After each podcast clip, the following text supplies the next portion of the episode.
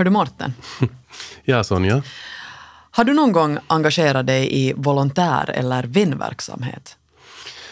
Och, och vad menar du då egentligen specifikt? Du menar att man är, man är volontär i, i vilka sammanhang? Ja, man ger av sin tid för någon annan, Ah, kanske.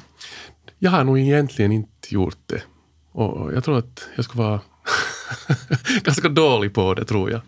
För att jag, är- jag är kanske lite, du vet, jag är lite så skygg och sådär. Lite, Vill vara för mig själv. Så att, att ännu mer vara social, trots för den goda sakens skull, skulle kanske vara ganska tungt för mig, tror jag. Men det är kanske är en roll som inte kanske passar alla och det, det är helt okej. Mm. Men det som jag tänkte fråga dig var att har du någon gång nu i mogen ålder eller när du var yngre känt ett behov av att få prata med någon? Som inte vet du, en, en, en vän eller en, en förälder eller så vidare. Nu kanske jag har varit i den lyckosamma positionen att, att jag har inte haft ett, ett behov för, för någon utöver min vänskapskrets på det sättet.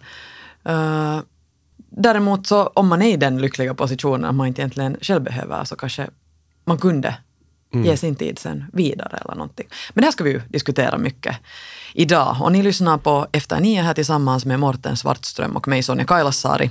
Och det här är då alltså programmet där man utmanar sig att göra någonting eller så utmanar man sig själv att göra någonting under en bestämd eller obestämd tid. Och veckans utmanare hör vi här.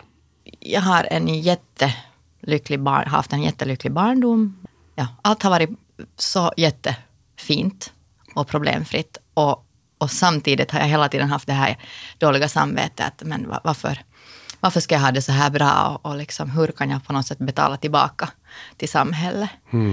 Så den känslan har jag nog haft med mig jättelänge. Så att när jag då fick den här annonsen i mitt flöde så, så insåg jag att det här, på det här sättet, genom att ge min, av min tid till någon som behöver det.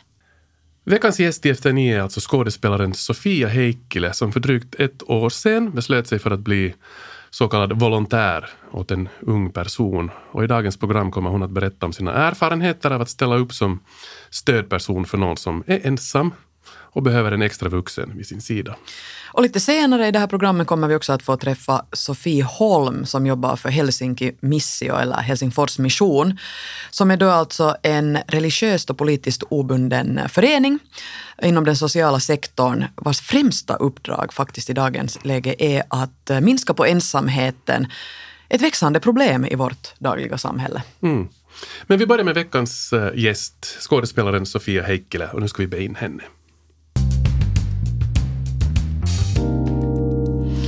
Hjärtligt välkommen till Efter nio skådespelare Sofia Heikkilä. Tack. Välkommen. Skulle du vilja berätta lite om hur det kommer sig att du valde att bli en stödperson? Det skedde alltså för ett år sedan. Jag var i Chile och filmade in den här tv-serien Invisible Heroes. Och eh, visste att när jag kommer hem i slutet av september så kommer jag att vara två månader ledig eh, innan mina repetitioner på Svenska Teatern börjar. Och så var inte helt fram emot den lediga tiden. Och, och så råkade det komma i mitt uh, Instagramflöde en annons. Helsingfors mission uh, sökte svenskspråkiga personer, uh, stödpersoner för unga. Ja, som behöver stöd. Och den här, den här bara talade till mig, den här annonsen. Så det var jättebra timing i mitt liv och, och det där. Ja, så jag tog genast kontakt med Sofie på Helsingfors mission och eh, anmälde mig till den här utbildningen som man då först måste gå. På den vägen är det.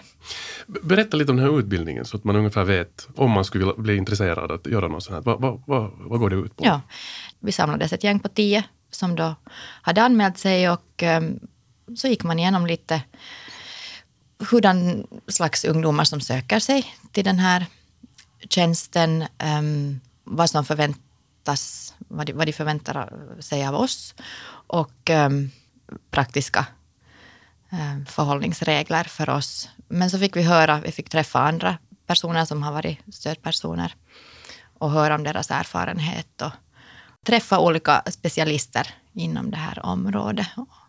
En slags föreläsningsserie som var jätte, jätteintressant och eh, den fick mig ännu mer övertygad om att det här vill jag göra. Kom det här alltså när du, när du beslöt dig för att göra det här? Var det helt extempore eller något som du har funderat på tidigare? Jag har en jättelycklig bar, haft en jättelycklig barndom. Jag har fått uppmuntrats att, att förverkliga mig själv och jag har fått uh, se världen. Och, ja, allt har varit bara så jättefint och problemfritt. Och, och samtidigt har jag hela tiden haft det här dåliga samvetet. Men varför, varför ska jag ha det så här bra och, och liksom, hur kan jag på något sätt betala tillbaka till samhället? Mm. Så den känslan har jag nog haft med mig jättelänge. Så att när jag då fick den här annonsen i mitt flöde så, så insåg jag att det här, på det här sättet, genom att ge min, av min tid till någon som behöver det. Det är ju jättefint uh, att, du, att du tänker så här, tycker jag. Mm. Det är säkert många av oss som... Vi diskuterade det här lite med Sonja här tidigare också, att vi, vi har väl också haft det ganska bra. Att, att kanske man borde börja fundera på att ge av det som man har fått någon gång. No, men hur, vad, vad händer sen, sen när du har gått den här utbildningen? Och, och, och va, hur, hur får man alltså en, sen en, en, en person som man ska träffa och, och diskutera med? Ja, no sen, sen ska man bli godkänd då av Helsingfors mission om de tycker att man är, är lämplig. Och det blev jag och, och så kollade jag alltså allt från brottsregister och sånt här. Kollar att man är, har rena papper. Och det hade jag. Eh, och sen, eh, sen väntar man på en så kallad matchning. Då hade jag fått in en massa ansökningar från personer som, som söker en stödperson. Och så kollar de lite på intressen. Jag har ju fyllt i alla mina uppgifter, vad jag har för hobbyer och, och intressen överlag. Så försöker de matcha mm. så bra det bara går. Jag hade nog en massa rädslor ännu i det här skedet.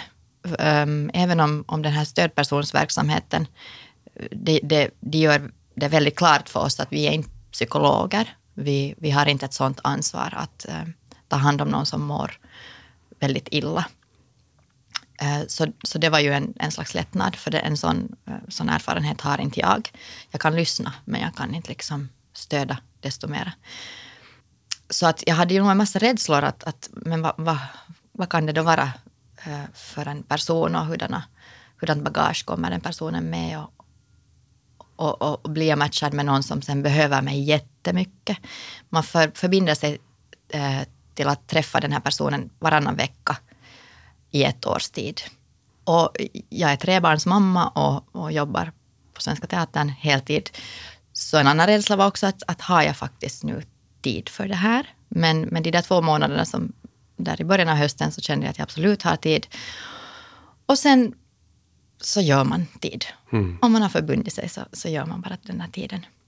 Ja, och sen jag var rädd att det eventuellt är någon som då behöver mig mer än, än vad jag kan ge och, och står och ringer på mm. summan och, och det där ringer mitt i natten. Men, men eh, jag är så överlycklig över den matchning jag fick och det var absolut inte en sån person. Nu finns det ju en viss, uh, vi vet att det finns en viss tystnadsplikt. Ja. Uh, men vad, vad, kan man berätta om den personen som... Ingenting. Ingenting? Nej. Alltså min, min ungdom har gett tillåtelse att jag kan berätta att det är hon mm. och att hon är 18 år gammal idag. Okay. Så hon har blivit myndig här under det här året. Men, men mer men om mer henne kan man inte tänker säga. jag inte berätta. Nej, nej. Det. Och det har också varit en utmaning. Jag, jag, delar så gott som allt med min man där hemma. Men jag har inte kunnat eh, dela någonting med honom. Och det har jag vetat om från början. Och, och, det där. och därför ordnas också arbetshandledning. Helsinki Missio ordnar arbetshandledning ungefär tre gånger per termin, fyra gånger per termin. Och det rekommenderas att man äh, går på de här mötena, även om man inte har en något problem med sin, sin ungdom. Men det är intressant att höra andras erfarenheter och, och det där. Man, man stöder varandra. Det har varit jättelärorikt mm. att gå på dem. Kan du alls öppna vad ni brukar göra med din ungdom eller hur era möten har sett ut? Finns det någonting där som... Ja, det, det är fritt fram eh, för oss att bestämma vad vi gör. Vi har gått mycket på kaffe och diskutera promenera lite, vi har varit på museer. Eh, vi har delat både ett intresse för kultur och konst. Och ehm, så var vi faktiskt en gång på ett, ett sånt här saltrum. Där man bara sitter, det är som i en bastu, det är inte varmt men det är bara fullt med salt från, från golv till tak. Och det där, det är tydligen jättehälsosamt att andas in av det här saltet. Så det där, där satt vi och fördrev en timme. Så att eh, man har alltså en 30 euros budget från Helsinki Missio per månad. Och då kan man välja att spara ihop den budgeten för hela året. Och sen göra någonting stort tillsammans eller använda upp lite då och då. Vilken rolig idé. Jag tänkte just att, att, Ja. att, att man, får lite understöd. Precis, det ska inte vara, det ska inte liksom vara på din egen bekostnad. Men det där, men förstås om man vill göra något större som kostar mer så det är fritt fram. Men att man får det här lilla understödet. Så det har hjälpt. Mm. Upplever du att eh, du har varit till hjälp? Ja, jag får nog den känslan. Eh, vi har haft sån här, vi har ett, jag hade ett möte på våren, så här mitt i vår vänskap vill jag kalla det. Och en sån check-up att hur, hur det går. Och där eh, talar man ganska fritt med hjälp av Sofie som sitter med och handleder. Svarar man på frågor. Och, och, redan i maj så fick jag en jättevarm varm feeling. Det kändes jättebra, den feedback jag fick. Och, och så fick jag förstås ge feedback också. Nu har vi precis avslutat vårt ettårs um, stöd, vår stödpersonsverksamhet. Uh, så där officiellt. Och då hade vi ett, ett slutmöte. Och där fram gick det nog att jag har nog varit till någon slags hjälp, eller så kändes det. Men att um, jag vill fortsätta hålla kontakt med, med henne. Det kommer vi att göra. Och vi sätter in träffar också framöver. Men att kanske inte så tätt. Att jag, jag kände att det att varannan vecka är ändå ganska mycket för mig just nu att träffas eller att förbinda mig till. Så att det där, vi fortsätter träffas men inte så ofta. Mm. Det tycker jag allmänt har varit otroligt beundransvärt eftersom du, är, du har tre små barn och just en, en, en ganska hektisk, ett hektiskt arbete och, och så vidare. Och det är kanske den första orsaken varför folk säger att, att jag, jag har inte liksom plats för det här. Nej. Men rajvar man tid så att säga. Ja, så, vi har hittat... det ju. Ja, det handlar ju om prioriteringar och, och förstås kanske jag ibland då inte har varit hemma vid middagstid och, och så här. Men att det, det har vi nu ändå klarat av. Och sen har vi hittat en ganska bra tid på eftermiddagen just när hon har slutat skolan och, jag har slutat mina repetitioner. Så det där, innan jag hämtar barnen, eller åtminstone innan middagen, så, så har vi hunnit ganska bra catcha upp. Jag tycker nästan att vi ska be in vår nästa gäst för att fortsätta den här diskussionen. Du lyssnar på Efter nio här tillsammans med Morten Svartström och mig Sonja Kailasari. Och eh, veckans gäst är Sofia Heikkilä som engagerat sig som stödperson för en ung via Helsingfors mission. Och vår följande gäst ansvarar för den svenskspråkiga verksamheten på samma institution eller koordinerar för den här svenskspråkiga stödpersonsverksamheten eh, och, och hon vet mera också om ensamheten som har blivit allt mer vanligt i vårt samhälle idag. Hjärtligt välkommen Sofie Holm från Helsingfors eh, mission. Tack. Berätta kort uh, om ditt arbete före vi går in här på Sofias erfarenheter och upplevelser. Just det. Jag jobbar som koordinator för den här verksamheten och det betyder att jag um, för det första jobbar ganska mycket med volontärrekrytering. Så att jag kollar alla de som, som ansöker om att bli en stödperson. Jag sitter och intervjuar folk som vill bli stödpersoner och går igenom deras ansökningar. Jag håller i trådarna för utbildningen um, och sen sköter jag också om matchningarna och följer upp alla de stödrelationer vi har. Så det, det är mitt jobb i ett nötskal. När du har suttit här och lyssnat på, på Sofias berättelse, vilka tankar väckte det hos dig som, som jobbar med det här dagligen? Det kan jag säga direkt att, att på det sättet är Sofia kanske inte den mest typiska av våra volontärer för att um, man ser helt tydligt att vi har en hel del volontärer mellan 25 och 35 som uh, inte har barn och sen har vi volontärer som är 50 plus um, som ofta ansöker till oss och säger att, att nu har mina barn flyttat hemifrån och nu har jag plötsligt mera tid och nu skulle jag gärna ställa upp. Men det att vi har någon som har mm, många barn hemma uh, och som ännu är, är omyndiga så, så det är inte uh, så jättevanligt. Så det är på det sättet uh, jätte, jättefint att, att du Sofia ställde upp. Ja, jag kan tänka mig att, att, att det är just den, den uh, gruppen av människor som, som inte uh, har så att säga tid och lever i den här småbarnsperioden så att säga. Men um, Vad kan man säga om, om personer då som, som söker sig till er och, och vill bli volontärer? Förutom det här som jag just sa så skulle jag säga att det inte egentligen finns någon sån här tydlig gemensam nämnare. Vi har folk med hemskt olika bakgrund, i olika åldrar. Vår um, yngre åldersgräns är 25. Det gäller om man vill bli en stödperson för en ung person. Om man vill jobba med äldre till exempel, så då är åldersgränsen 18, så då kan man vara ännu yngre. Um, men, och vi har bland stödpersonerna för unga så har vi folk från 25 till över 70. Uh, eh, och som sagt med alltså helt olika yrkesbakgrund och det man gör. Det viktigaste för, viktigaste för oss är det att, att det är någon som är motiverad och, och vill ställa upp och ge av sin tid och uppmärksamhet åt någon annan.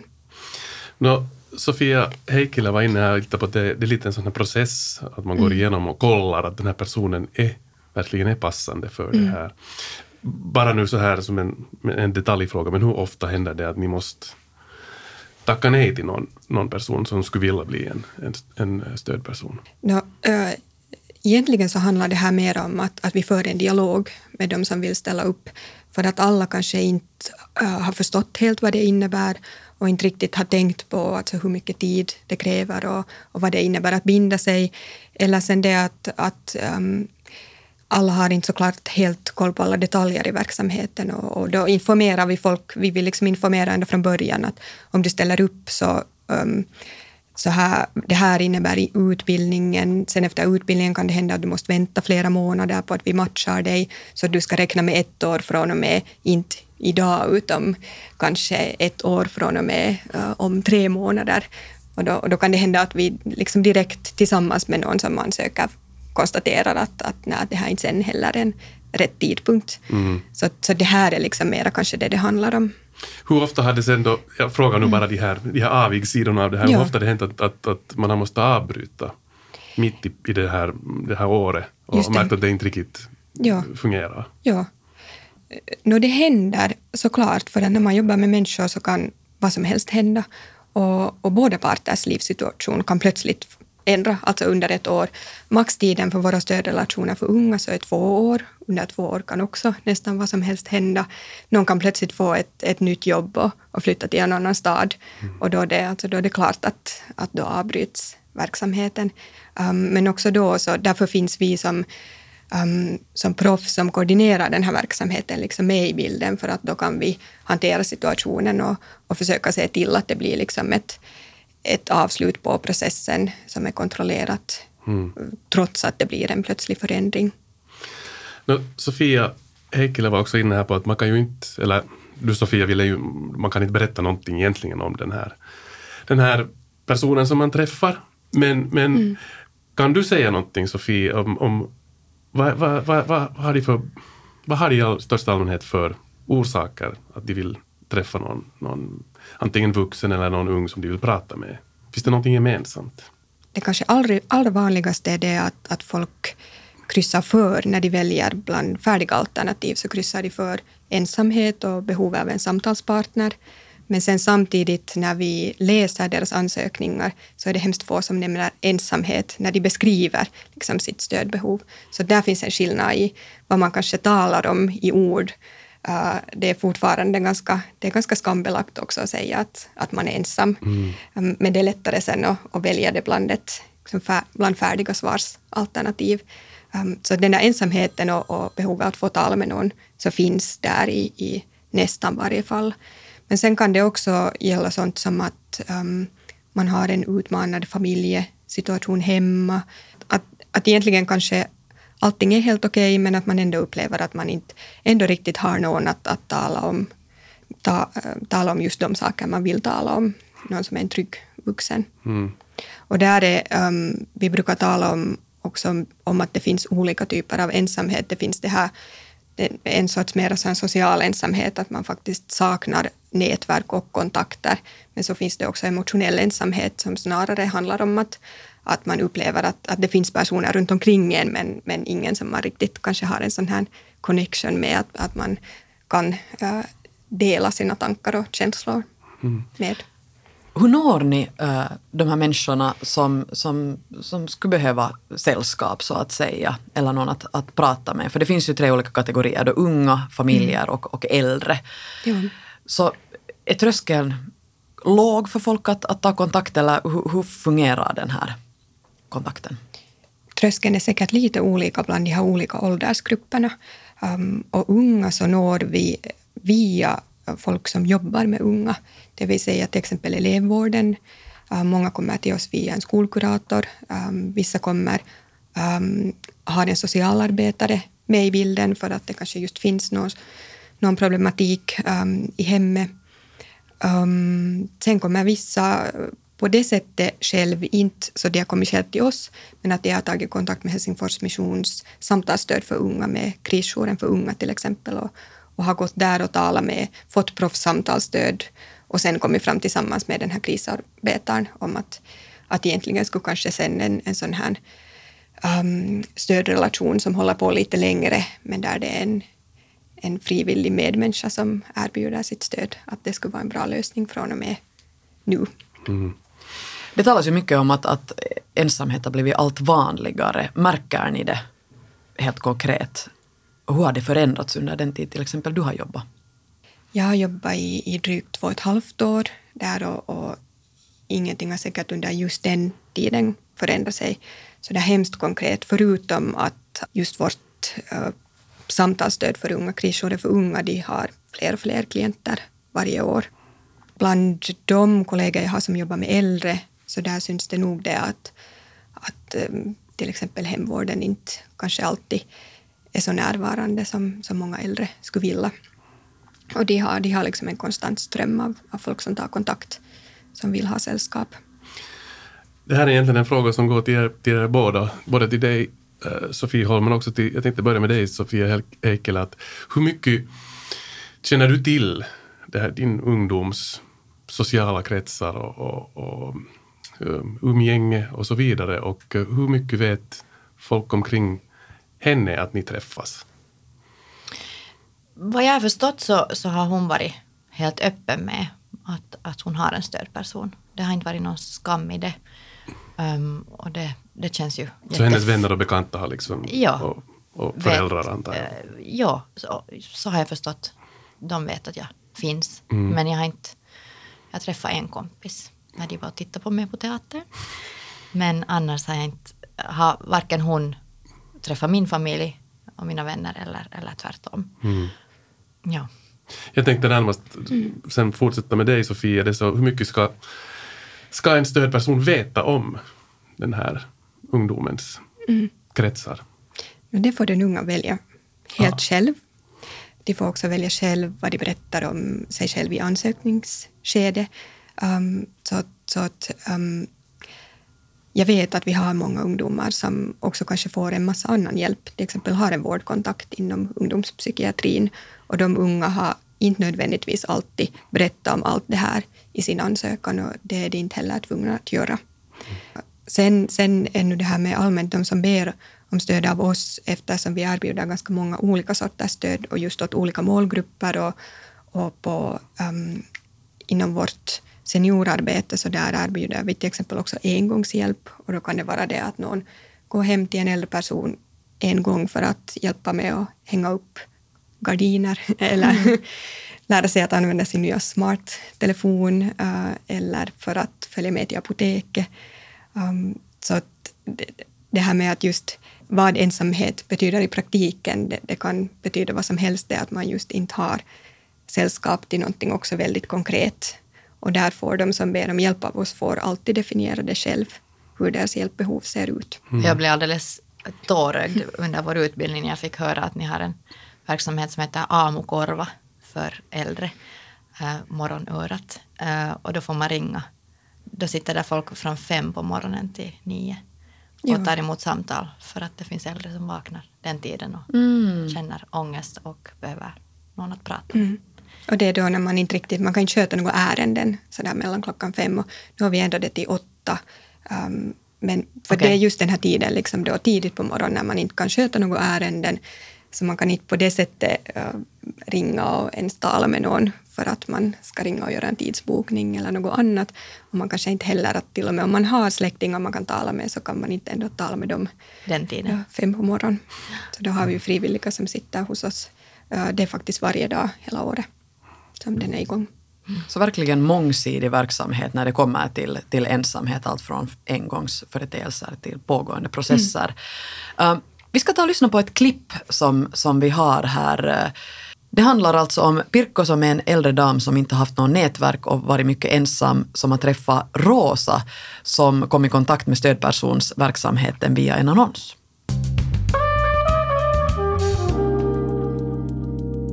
Siinä oli sellainen mainos, että joka toinen päivä suomalainen vanhus tekee itsemurhan.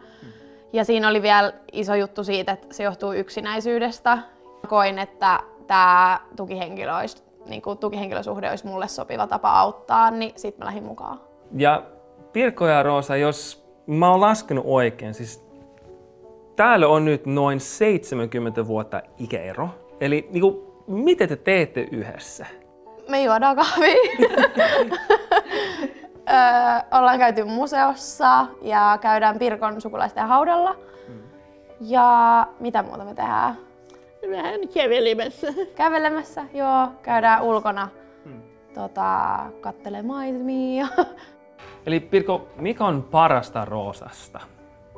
Välitön ystävyys, joka henkii koko ajan heti kun hän aukaisee oven. Niin ihan niin kuin joku valon säde tuli sieltä. Det var alltså Robban Nilsson från Helsingfors mission som intervjuade Pirkko och Rosa. Vilka tankar väckte det hos er här till exempel när vi lyssnade på det här Pirkko och Rosa? Man blir ju bara helt rörd av det där, hur, sådana små, små handlingar, just att vare sig det är en engångsföreteelse eller ett längre um, vänskapsband eller förhållande så, så betyder det så jätte, jättemycket för de här personerna. Och det är ändå, känner jag med min erfarenhet, det är ändå så lite jag ger av mig själv som, som kan då betyda så mycket. Så det känns fint. Och, och det där. När min gamla mormor, som jag nog tycker att hade mycket sällskap, uh, men när jag besökte henne på hennes um, ålderdomshem så det där, så såg man ju den här ensamheten där bland hennes eh, kompisar på boende. Mm, folk som aldrig får besök. Folk som eller? aldrig får besök och det där. Och det skar i hjärtat. Mm. Mm. Um, detsamma gäller ungdomar, just det att, att inte handlar det alltid om att tala eller någonting före jättedjupa diskussioner, utan någon kan behöva någon bara för att göra någonting. Vi har sådana um, volontärer och unga som till exempel idrottar ganska mycket tillsammans och det är deras grej. Och det kan också vara jätte, jättebetydelsefullt att ha den där ena personen som tar med en och, och, och spelar fotboll med något gäng eller, eller går och testar på nya sporter. Um, så, att, så det är också viktigt att tänka på om man någon funderar på att man vill ställa upp, att man också som volontär liksom har en möjlighet att påverka uppdraget och, och skapa det enligt ens egna premisser. Det som var glädjande under den här utbildningen var att eh, vi var fler män, alltså det var fler män än kvinnor eh, som ville bli stödpersoner. Många av dem var jättesportsliga av sig och, och, Ja. och, och det där tänkte att de kan fara och spela fotis med, med någon. Mm. Det blev jag förvånad över och, och jätte, jätteglad över. Ja, och i vanlig, vanliga fall så är det inte så, utan vi har snarare det problemet att det finns hela tiden fler killar och unga män som skulle behöva stöd och ansöka om en stödperson och så har vi konstant um, hemskt få manliga lediga stödpersoner. Och många av de här eh, killarna och unga männen, de har många de får mycket stöd eh, till exempel av skolkuratorer eller har många socialarbetare mm, runt omkring sig som oftast är kvinnor också. Ehm, så att, så att många önskar sig specifikt en manlig förebild. Men, men hittills har vi haft ganska få män som ställer upp och det skulle vi gärna ha fler av. Jag tror att det här är en jätteviktig point för att jag tror att främst är väl folk kanske lite rädda för att binda sig just till en längre perso person, till en längre period. Uh, och sen att det finns så många olika former hur, hur man kan, kan hjälpa. Men Sofia, så här nu ett år senare och en erfarenhet rikare och en vänskap rikare, så, mm. så vad har varit dina största insikter under den här perioden? No, en, en stor insikt är att det, trots att vi, har, vi finlandssvenskar har en bild av att allt är eh, kräftskivor och, och segling, så finns det många unga som, som inte mår så bra. Um, um, det har jag fått lära mig på de här arbetshandledningarna när vi har, har delat erfarenheter att det, det finns uh, mycket ensamhet också bland oss och jag är hemskt glad att jag har fått vara med och, och lite lindra den ensamheten. Sen är jag glad att jag kom överhuvudtaget i kontakt med Helsingfors mission. Det finns en massa andra organisationer också som, som erbjuder sån här verksamhet, men, men ni gör så mycket fint. Sen har det varit jätteintressant att få en, via min, min person få en inblick i gymnasie, skollivet, liksom, hur det ser ut idag. Det är ju inte så länge sedan jag själv har gått gymnasiet, men, men oj, oj, så mycket stress och press och eh, provveckor och eh, jag får riktigt ångest när jag ibland hör hur hård takt det är i gymnasiet. Och med tanke på mina egna barn så vet jag ungefär vad som, som kommer här om några år. Sofie Holm, eh, känns det som att det ännu finns någonting som du skulle vilja, vilja lyfta fram kring det här som vi inte ännu har, har pratat om när det kommer till antingen ensamhet eller volontärverksamhet? Jag tänker att jag vill ju också tacka Sofia för att hon ställde upp hos oss. Ehm, det har varit det är alltid fint när någon, någon ger av sin tid och, och det är jätte, jättevärdefullt. Och det som du sa om att, att just det finns många sätt att ställa upp och, och, vi har många volontäruppdrag. Det har också många andra organisationer. Att, att just det här, mer som en hälsning till alla oss som funderar på att, att kanske engagera sig ideellt. Det, fin, det finns en uppsjö av uppdrag, särskilt om man bor i en större stad. Så att, så att det finns helt säkert någonting som man kan hitta som passar för en själv och ens egen livssituation. Och, och det att, att man får hjälpa någon annan eller, eller engagera sig för någonting som är viktigt för en. Så det kan också vara betydelsefullt um, och också uh, kan alltså motverka ensamhet. Ja, Morten, skulle det vara dags för oss också att engagera oss i ja, någon form? Ja, absolut. Jag tycker att uh, det är jätteviktiga saker som vi har tagit upp här idag. Uh, Sofie, skulle du ännu vilja säga, om, om man nu har lyssnat på det här och blev lite intresserad av att själv bli en, en, en, en stödperson, så vad är det lättaste sättet att, att bli en, att ta kontakt? Mm. Uh, då kan man gå till www.helsinkimissio.fi och läsa in sig på våra olika volontäruppdrag. För det rekommenderar jag just att, att man kollar vad som passar bäst för en själv och, och sen kan man fylla i en ansökan. Mm. Då kontaktar vi den som har fyllt i en ansökan. Där hörde ni, det, ett nytt år närmar sig. Var och en kan lite fundera över, över sin egna tidsanvändning och, och kanske möjligheter att kanske ställa upp och, och, och göra någonting i någon form. Mm. Um, tack så väldigt mycket Sofie Holm och Sofia Heikkilä för att ni ställde upp här i Efter nio tillsammans med Morten Svartström och mig Sonja Kailasari. Vi är ju tillbaka som vanligt nästa vecka med nya gäster och nya utmaningar. Vi hörs.